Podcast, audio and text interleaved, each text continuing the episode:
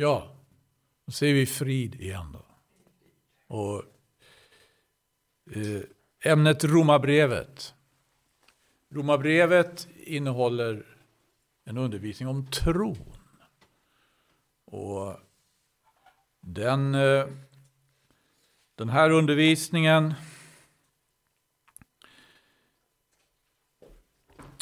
det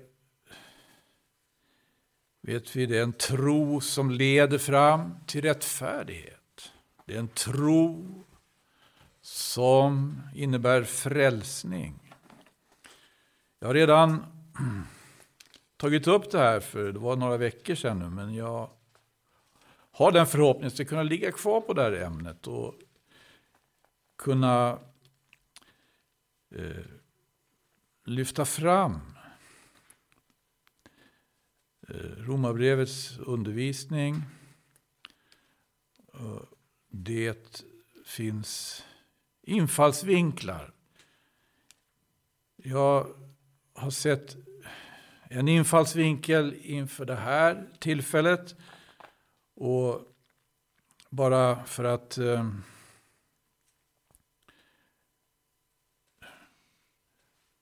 förbereda oss på lite grann vad de här kapitlen, vi, vi som har läst, vi vet de här kapitlen, hur de eh, kommer att liksom eh, eh, på ett särskilt sätt röra sig kring evangelium. Det är ju evangelium, det glada budskapet. Och första kapitlet, det, det, det handlar liksom om en portal. Det finns någonting, när aposteln undervisar om tro, när han undervisar om frälsningen, när han undervisar om Herren Jesus Kristus, så finns det någonting som är ofrånkomligt. Ja, o, det går inte att komma förbi det judiska folket. Det är ju detta som blir en, en väldig så att säga, spänning kanske. En motsägelse, en, en, en gåta i allt som har med evangelium att göra. Att det, det är faktiskt så Jesus själv säger, frälsningen kommer från judarna. Men i det första skedet av evangeliets predikan då, när apostlarna drog ut i världen, så kom ju att judarna att vara de som utgjorde det stora motståndsblocket allt emellanåt. Det som kommer från judarna som en verklig välsignelse för världen, det möter i detta folk det största motståndet. Det här var inledningen. Men Romarbrevets undervisning kommer så småningom att röra vid de yttersta tingen. De yttersta tingen, det finns med också. Men det, jag, vet inte, jag tror inte vi kommer dit vid det här tillfället. Jag ska bara uppmärksamma att aposteln, att aposteln undervisar i första kapitlet om, om, eh, om Guds vrede. Det ägnar han rätt mycket utrymme åt. Och det handlar om en, eh, en beskrivning också av tillståndet i världen, avfallet från Gud. Världen är inte eh, på något vis eh, irreligiös. Det är en väldig massa religion. Men det betyder att det är en väldig massa gudar. Och det betyder också en väldig massa vansinnigheter. Som hör tillsammans med, med avguderi. När han beskriver det här tillståndet så är det liksom det är en mening här som jag särskilt eh, man säger fastnat för och funderar över. Eh, det, det, heter så här nämligen i 22 versen i Romarbrevets första kapitel. När det, när det berömde sig av att vara visa blev det dårar. Jag, läser tror jag från, från 18 versen. Det står så här. Ty Guds vrede uppenbarar sig från himlen över all ogudaktighet och orättfärdighet hos människor som i orättfärdighet undertrycka sanningen. Vad man kan känna om Gud är nämligen uppenbart bland dem. Gud har ju uppenbarat det för dem. Ty hans osynliga väsen, hans eviga makt och gudomshärlighet har ända ifrån världens skapelse varit synliga i det att det kan förstås genom hans verk. Så är det då utan ursäkt. Ty fastän de hade lärt känna Gud, prisade och tackade de honom dock icke såsom Gud utan förföll till fåfängliga tankar och så blev deras oförståndiga hjärtan förmörkade. När de berömde sig av att vara visa blev det dårar. Det här att berömma sig, det kommer liksom att vara en, eh, ska vi säga, eh, en eh, huvudlinje här i, i, det här brevets inledning. Ja, det går faktiskt på sätt och vis rätt genom hela brevet. Det här att berömma sig. Det är naturligtvis väldigt olyckligt. Att berömma sig på ett sånt sätt att man blir en dåre. Vad berömde de sig av? Jo, han talar om det här allmänna, att de berömde sig av att vara visa. När man berömmer sig av att vara vis, blir man en dåre i den värld som är som den som han här vänder sig till och beskriver och appellerar till. Och Det återkommer ju även i andra kapitlet. När han har Eh, klandrat människorna väldeliga då i första kapitlet. Som vi ska kunna fortsätta läsa om alla. Det står så här i 29 versen. Och den här, vad det här alltså, den här, vad ska vi säga, perversa berömmelsen leder till bland annat, så står det det, står det, har blivit uppfyllda av all slags orättfärdighet, ondska, girighet, elakhet. De är fulla av avund, mordlust, trätlystnad, svek, vrångsinthet. Ja, det är ingen ände på eländet här. Det finns en uppräkning. Men när han har på detta vis klandrat människor så kommer andra kapitlet på en gång liksom och, och, och vända hela perspektivet. Då står det så här. Därför är du utan ursäkt du människa. Vem du än är som dömer. Ty därmed att du dömer en annan fördömer du dig själv. Och här har vi ju direkt eh, ett Eh, hur bergspredikans Kristus hörs i apostelns undervisning. Det var ju faktiskt Jesus själv som sa, döm inte. Så.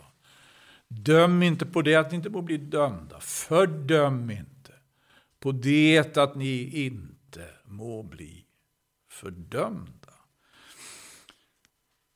Men en verklig en verklig problematik då är ju det här.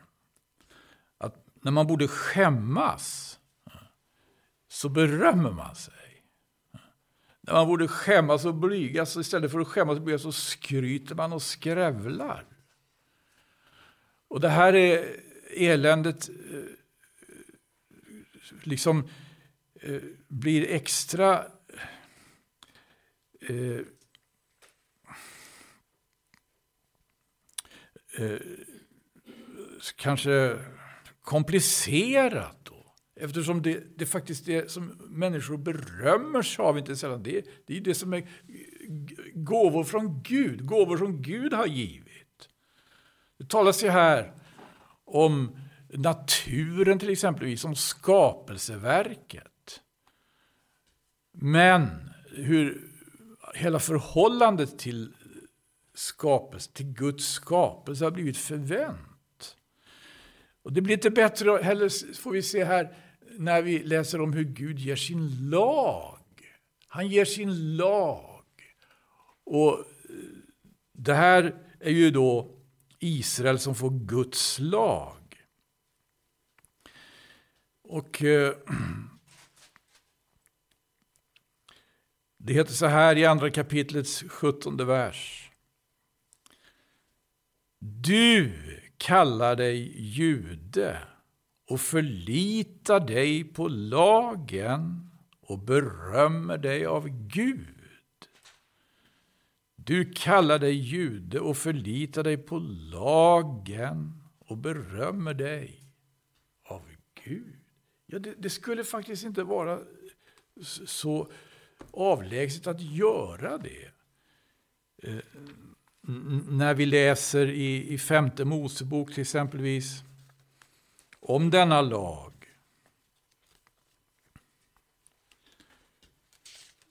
Hur den är egentligen borde ju på sätt och vis vara då en väldig eh, orsak till berömmelse. Det är meningen. Gud har givit den här lagen för att människor när de får möta Guds folk och får höra om den här lagen verkligen ska tänka gott om Gud. Gud som har givit hela denna rättfärdiga lag. Hela denna rättfärdiga lag. Men i Romarbrevet så, så, får vi veta att du, och, och, och du kallade, han vänder sig här till, till uh, de som ju på ett naturligt sätt kom att utgöra utgångspunkten för evangelisk predikan i, på, även utanför Israels gränser. De, de kom ju till synagogorna och där de började predika. Men det blev, det blev ju inte sällan konflikt. Du kallar dig jude och förlitar dig på lagen och berömmer dig av Gud. Du känner och hans vilja och eftersom du har fått din undervisning ur lagen kan du döma om vad rättast är. Och du tilltror dig att vara en ledare för blinda. Ett ljus för människor som vandrar i mörker. En uppfostrare för oförståndiga. En lärare för enfaldiga. Eftersom du i lagen har uttrycket för kunskapen och sanningen. Du som vill lära andra, du lär icke dig själv. Du som predikar att man icke ska stjäla, du begår själv stöld. Du som säger att man icke ska begå äktenskapsbrott, du begår själv sådant brott. Du som håller avgudarna för styggelse, du gör dig själv skyldig till tempelrån. Du som, och så kommer det igen, berömmer dig. Du som berömmer dig av lagen, du vanära Gud genom att överträda lagen. Han börjar den här, man säger, i sjuttonde versen. Du kallar dig ljud och förlitar dig på lagen och berömmer dig av Gud. Och så, så, så heter det så här, du som berömmer dig i 23 versen. Du som, be, du som berömmer dig av lagen. Du vanärar Gud genom att överträda. Så det, det, var, det, var, det blev ingenting av den berömmelsen heller då. I första kapitlet läser vi om de som berömmer sig av att vara visa, men därigenom blir de dårar. Och det här gällde alla människor. Men här läser vi om judarna som berömmer sig av lagen. Som berömmer sig av lagen. Eller det heter faktiskt berömmer sig av Gud rent av. Men det, det, det innebär ingen berömmelse för Gud. Det står de vanära Gud genom att överträda lagen. Och sedan kommer då, kan man säga, i kapitel 3, 4 och 5 så kommer aposteln att uh, när han undervisar om tron och vad evangelium är, får, får ägna sig först åt det judiska folket, det judiska folket i tredje kapitlet, förklara deras liksom särställning och både ljusa och mörka sidor. I det fjärde kapitlet så handlar det om Abraham. Om Abraham. Och i det femte kapitlet så handlar det äntligen om Kristus. Kristus. Vi ser det här, eh, verkar som genom, genom, den, genom den här, det här sättet att lägga upp sin undervisning så vill han liksom föra människorna från en, från en eh, felaktig förvänd berömmelse till en rätt berömmelse. En rätt berömmelse, eller det, det, det, slag av pris eller erkännande eller beröm som man med rätta eh, kan liksom eh,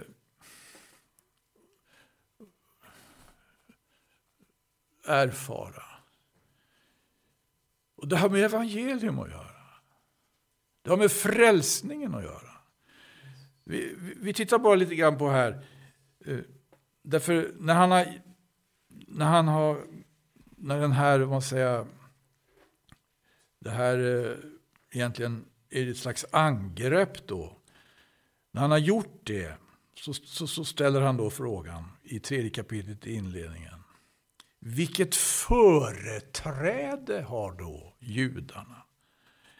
Eller vad har de för nytta av omskärelsen? Då fick vi klart för oss i andra kapitlet. Finns det någon berömmelse? Nej, det finns ingen berömmelse. Judarna, han är själv jude. Han är själv av, av, av Benjamins stam. Det finns ingen berömmelse. Han har ingen berömmelse. Att judarna har ingen berömmelse av lagen. Man berömmer sig. Kanske ska man säga skryter med det, men det finns ingen anledning. För lagen, den dementerar att det skulle finnas någon anledning. Men då ställer han inte frågan om berömmelse, utan då ställer han frågan om företräde. Ingen berömmelse, men det finns ett företräde. Vad, vad, är det för någonting då? Vilket företräde har då judarna? Eller vad gagn har det av omskärelsen?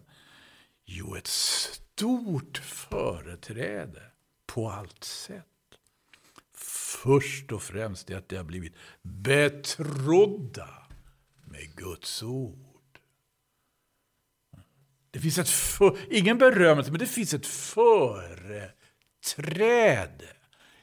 Det här är det judiska folket. Och han, han ägnar sig i det här kapitlet åt att ytterligare reda ut förhållandet mellan judar och hedningar. Och hur, som, hur Kristus kommer, hur evangelium kommer in i det här. Men jag ska, jag ska bara lite snabbt gå igenom det här nu. Vi går, vi går till fjärde kapitlet. För då ställs frågan om Abraham. Och det heter så här i början. Vad ska vi då säga om Abraham? Vår stamfader efter köttet. Det här kapitlet, jag tror inte man tar sig igenom det. Även om det kan, man kan säga i stort sett att det handlar om 20, 25 verser. Men det, det är så mycket i det så att versindelningen är på något sätt missvisande. Vad ska vi då säga om Abraham, vår stamfader efter köttet? om Abraham blev rättfärdig av gärningar så har han ju något att berömma sig av. Så har han ju något att berömma sig av. Dock icke inför Gud. Och så här, när det gäller Abraham, så ligger han kvar på det här, liksom, vi ska säga, på den här frågan om berömmelse. Det fanns, det fanns ingen anledning att berömma. De som berömdes av att vara visa, de blev dårar på det viset. Och de judar som berömdes av lagen, hela deras berömmelse blev om intet gjord genom lagen. Och så kommer han in på Abraham. Och fortfarande så ligger det här kvar med berömmelse. Tanken på berömmelse. Som om Abraham skulle ha något att berömma sig Om Abraham blev rättfärdig av gärningar så har han ju något att berömma sig av. Dock icke inför Gud. Ty vad säger skriften? Abraham trodde Gud och det räknades honom till rättfärdighet. Ja, det, det är vad skriften säger. Det var ju Abraham som var den första som lät omskära sig och sitt hus. Det här kan vi läsa om i 17 kapitlet i första Mosebok. Abraham var den första som lät omskära sig med hela sitt husfolk. Därför Gud sa att han skulle göra det. Och Det står i slutet av 17 kapitlet, när, Gud har fått, när, när Abraham har fått det här beskedet.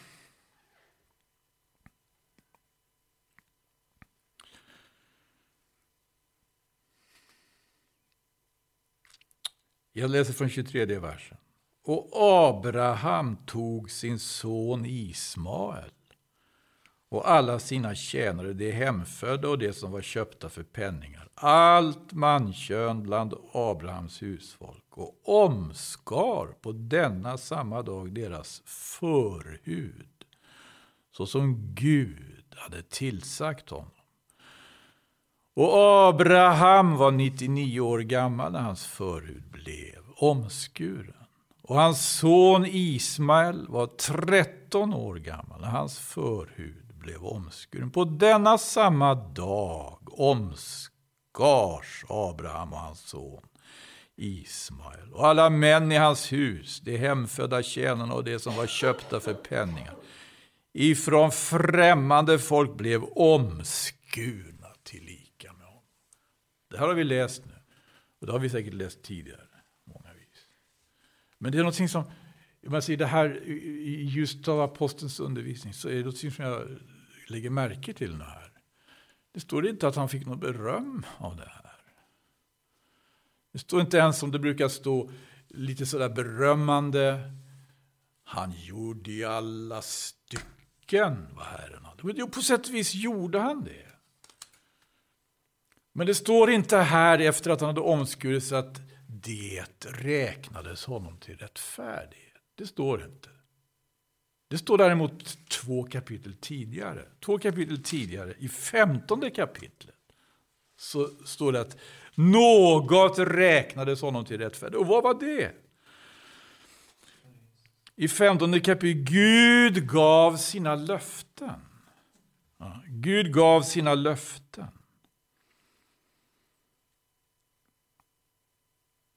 Och när han hade hört det här Det står så här, Herren förde honom ut, står det i femte versen, i femte kapitel, femte versen. Herren förde honom ut och sa, skåda upp till himmelen och räkna stjärnorna om du kan räkna dem.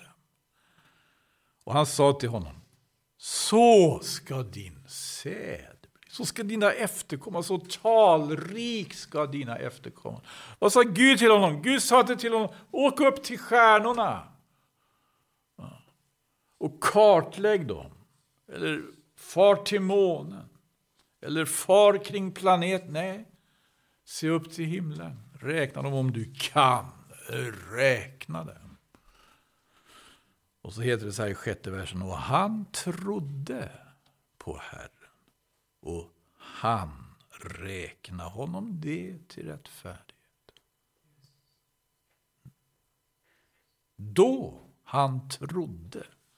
Det här lyfter aposteln Paulus fram i Rom, i det här fjärde kapitlet.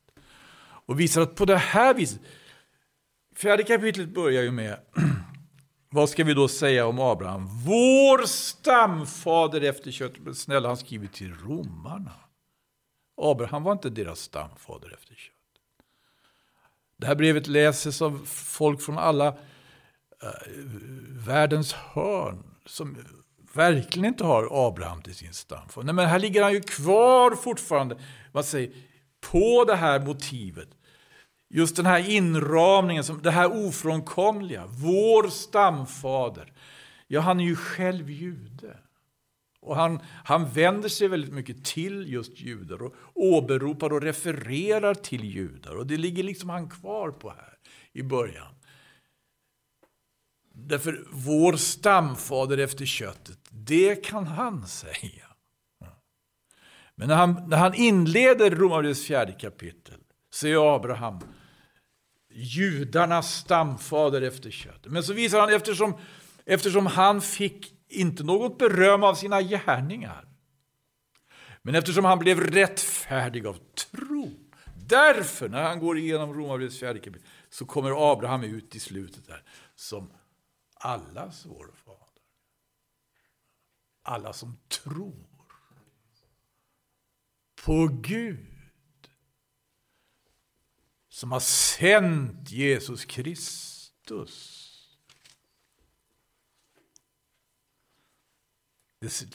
Romarbrevets fjärde kapitel slutar så. Om rättfärdigheten som tillräknas. Vers 23. Men att det så tillräknades honom, det är skrivet icke så som gällde det allenast honom. Utan det skulle gälla också oss, ty det ska tillräknas jämväl oss, oss som tror på honom som från de döda uppväckte Jesus, vår Herre. Vilken utgavs för våra synders skull och uppväcktes för vår rättfärdiggörelses skull. Det han lyfter fram är alltså löftena, inte lagen. Han säger skulle har Abraham någonting att berömma sig av? Om Abraham, Abraham blev rättfärdig av gärningar, blev han rättfärdig därför han lät omskära sig? Då skulle han kunna berömma sig, men inte inför Gud. För Gud hade mycket vidare tankar. Gud menar att löftena han gav innan han uppmanade Abraham att låta omskära sig de måste lyftas fram framför allt. Löftena som går i fullbordan. När Abrahams unika säd kommer i världen. När Jesus Kristus kommer i världen. Men det här är, jag tycker det är en intressant formulering.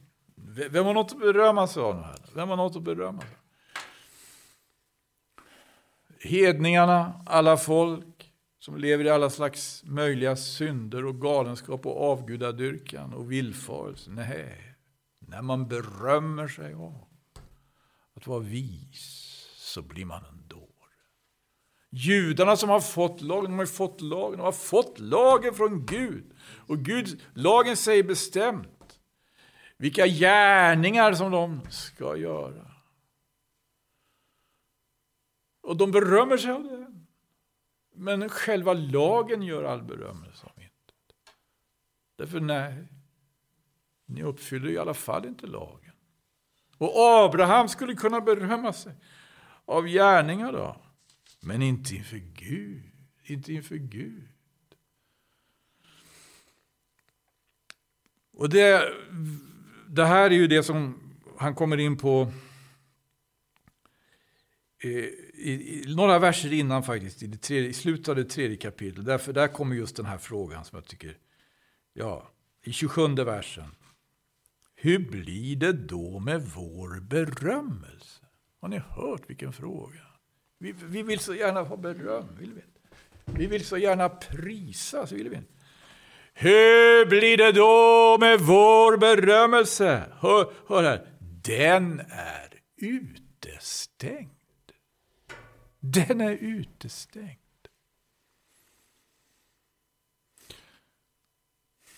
Därför den undervisning om tron som han låter oss ta del av här, den undervisning om frälsningen i Kristus Jesus som han låter oss ta del här, det, det, det handlar inte om vår berömmelse, det handlar om Guds berömmelse. Det handlar om Guds lov och pris. Det är det, det, det han siktar på. Och därför tycker jag så här, det här är stort. Hur, när han undervisar om tron, hörni, när han undervisar om tron, hur blir det då med vår berömmelse? Den är utestängd. Genom vilken lag? Månne genom en gärningarnas lag? Nej, genom en trons lag. Det här, när jag läser det här, då förstår jag att det är någonting med hans undervisning. här. Det är någonting med tron som han undervisar om, som kanske inte vi får tag i. Kanske de flesta som kallar sig för troende inte får tag i. Därför det här som står här, det, det, det, det har så att säga en genklang hos Jesus själv. I hans, när Jesus det, står mitt i en ganska häftig konflikt, debatt med sina motståndare. Aposteln skriver, hur blir det då med vår berömmelse? Den är utestängd.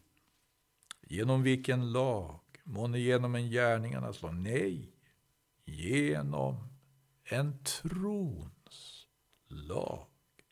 Jesus sa så här, nu ska vi titta på Johannes evangeliets femte kapitel.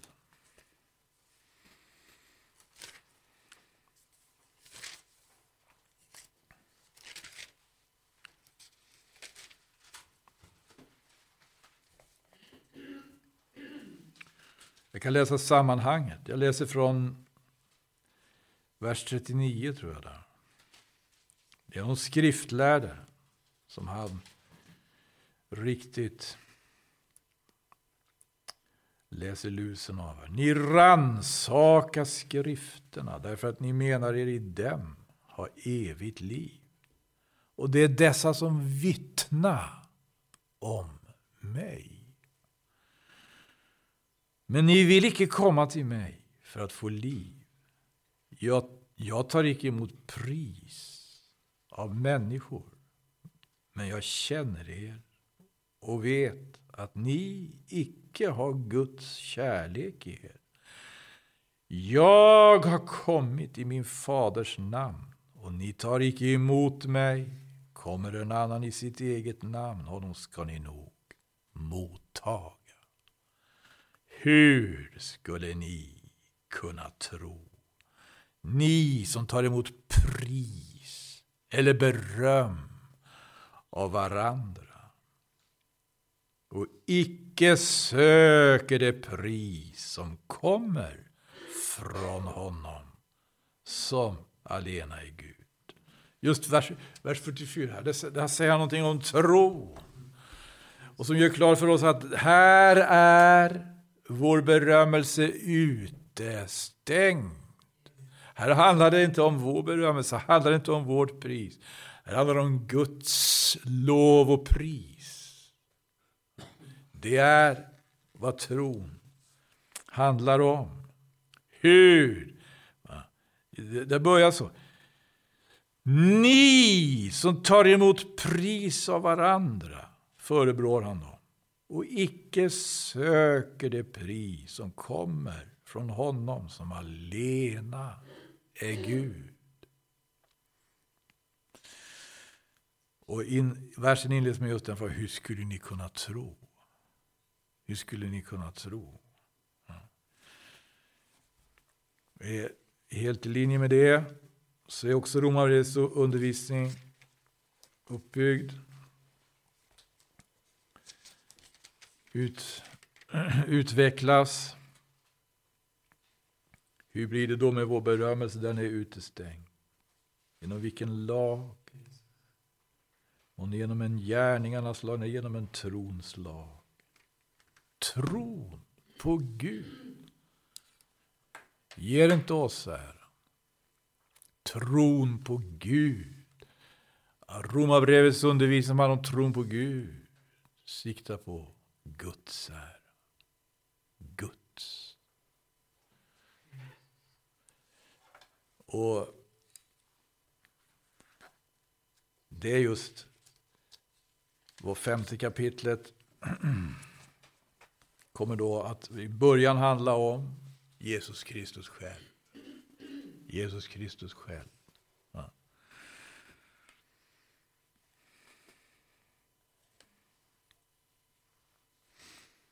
Där kommer faktiskt aposteln in på att berömma sig.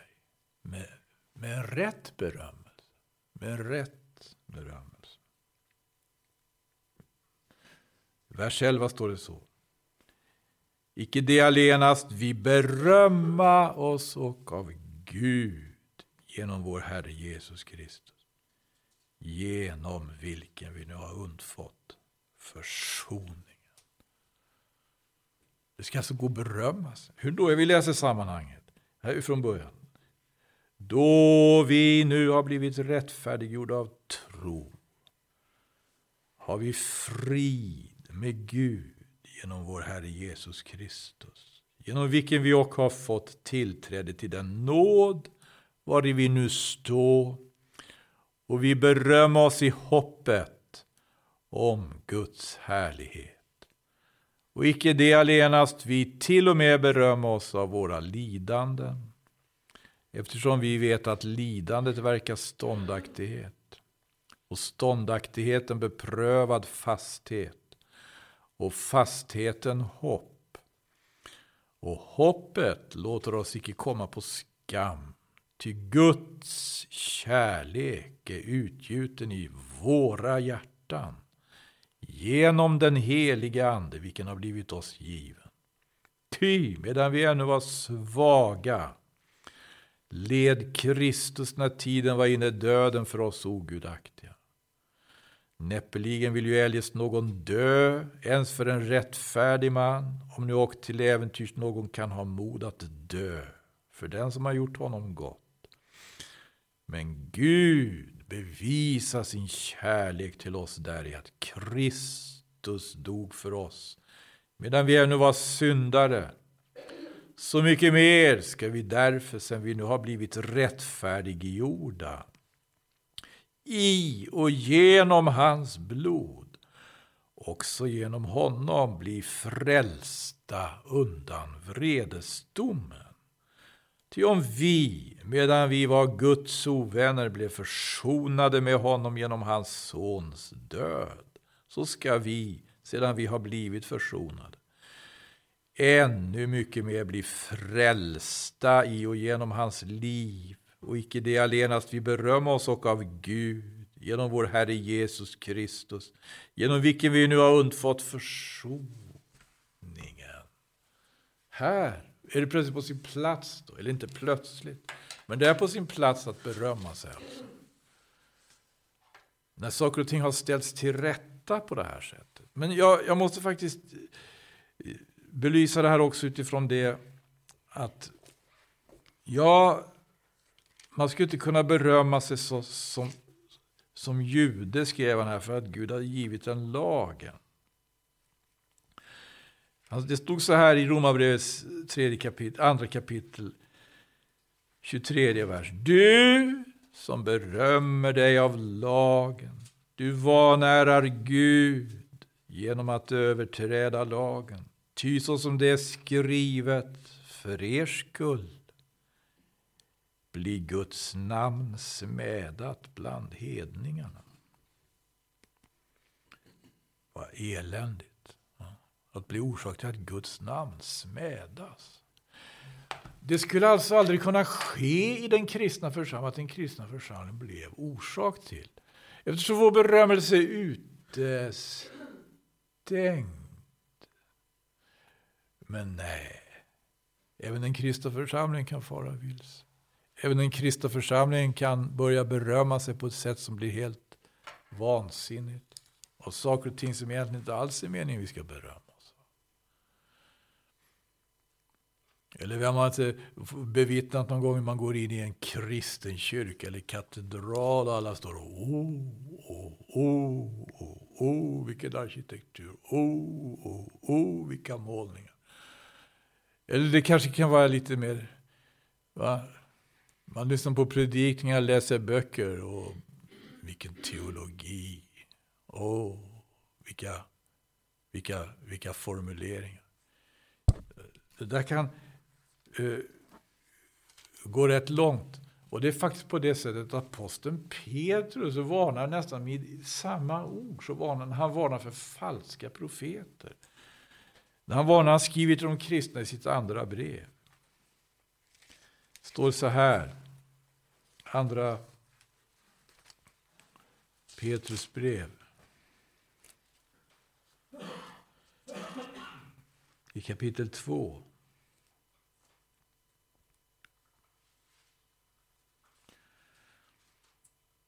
Det står om falska, han varnar för falska profeter. Han skriver ibland så här, läser från andra versen. Det ska få många efterfölja i sin lösaktighet. Och för deras skull ska sanningens väg bli smädad. Då kan man alltså urarta och spåra ur. Så att man blir orsak till, även i sammanhang som berömmer sig kanske av, men på ett felaktigt sätt då, av Kristi namn. Det finns en felaktig berömmelse också. Därför Jesus själv säger det, han varnar, han talar profetiskt. Många ska komma under mitt namn.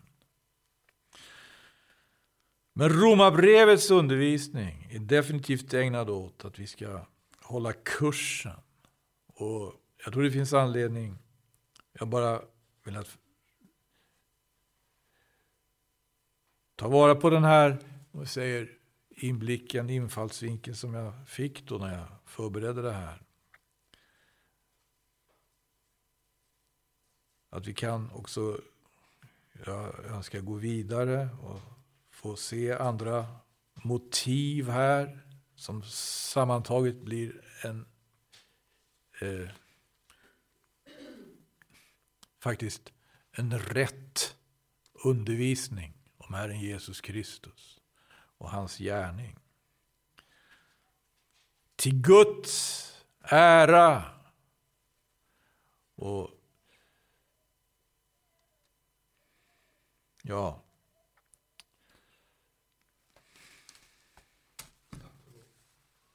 Ska vi tala med Herren? Någon ledig bön här? Innan. Vi tackar dig för ditt ord, Tack att ditt ord är mäktigt. Och det är levande och det är kraftigt. Halleluja. Tack att vi får sitta ner och lyssna till denna undervisning. Halleluja. Jag prisar dig, Jesus. Tack att du ska låta det sjunka in i våra hjärtan och sinnen så att vi blir upplysta om vad tro är. Halleluja, jag prisar dig, jag lovar dig. Tack att du välsignar var och en som har lyssnat. Och du låter allas hjärtan ta emot detta budskap, Herre. Jag prisar och ärar dig, jag lovar dig Jesus. För din frälsning. Halleluja. Amen. Amen. Prisad vare du, vi tackar dig. Vi lovar dig, Herre beder dig. Jag tackar dig för det. Sitta här tillsammans, läsa detta. Oj, godarsana. Hjälp, o Gud, Herre, få någon. Om vi kunde få någon, en fläkt av vad denna apostel som en gång så brann, Herre.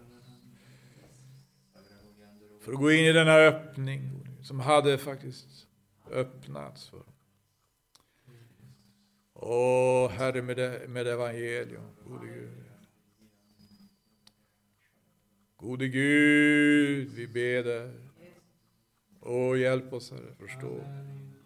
tidernas tecken.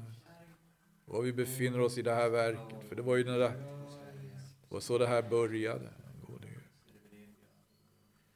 Detta evangelium om riket ska bli predikat i hela världen till ett vittnesbörd för alla folk. Sedan ska änden komma. Hjälp oss vara vaksamma, hjälp oss vara förberedda. I Jesu namn. Amen. Tack ska ni ha.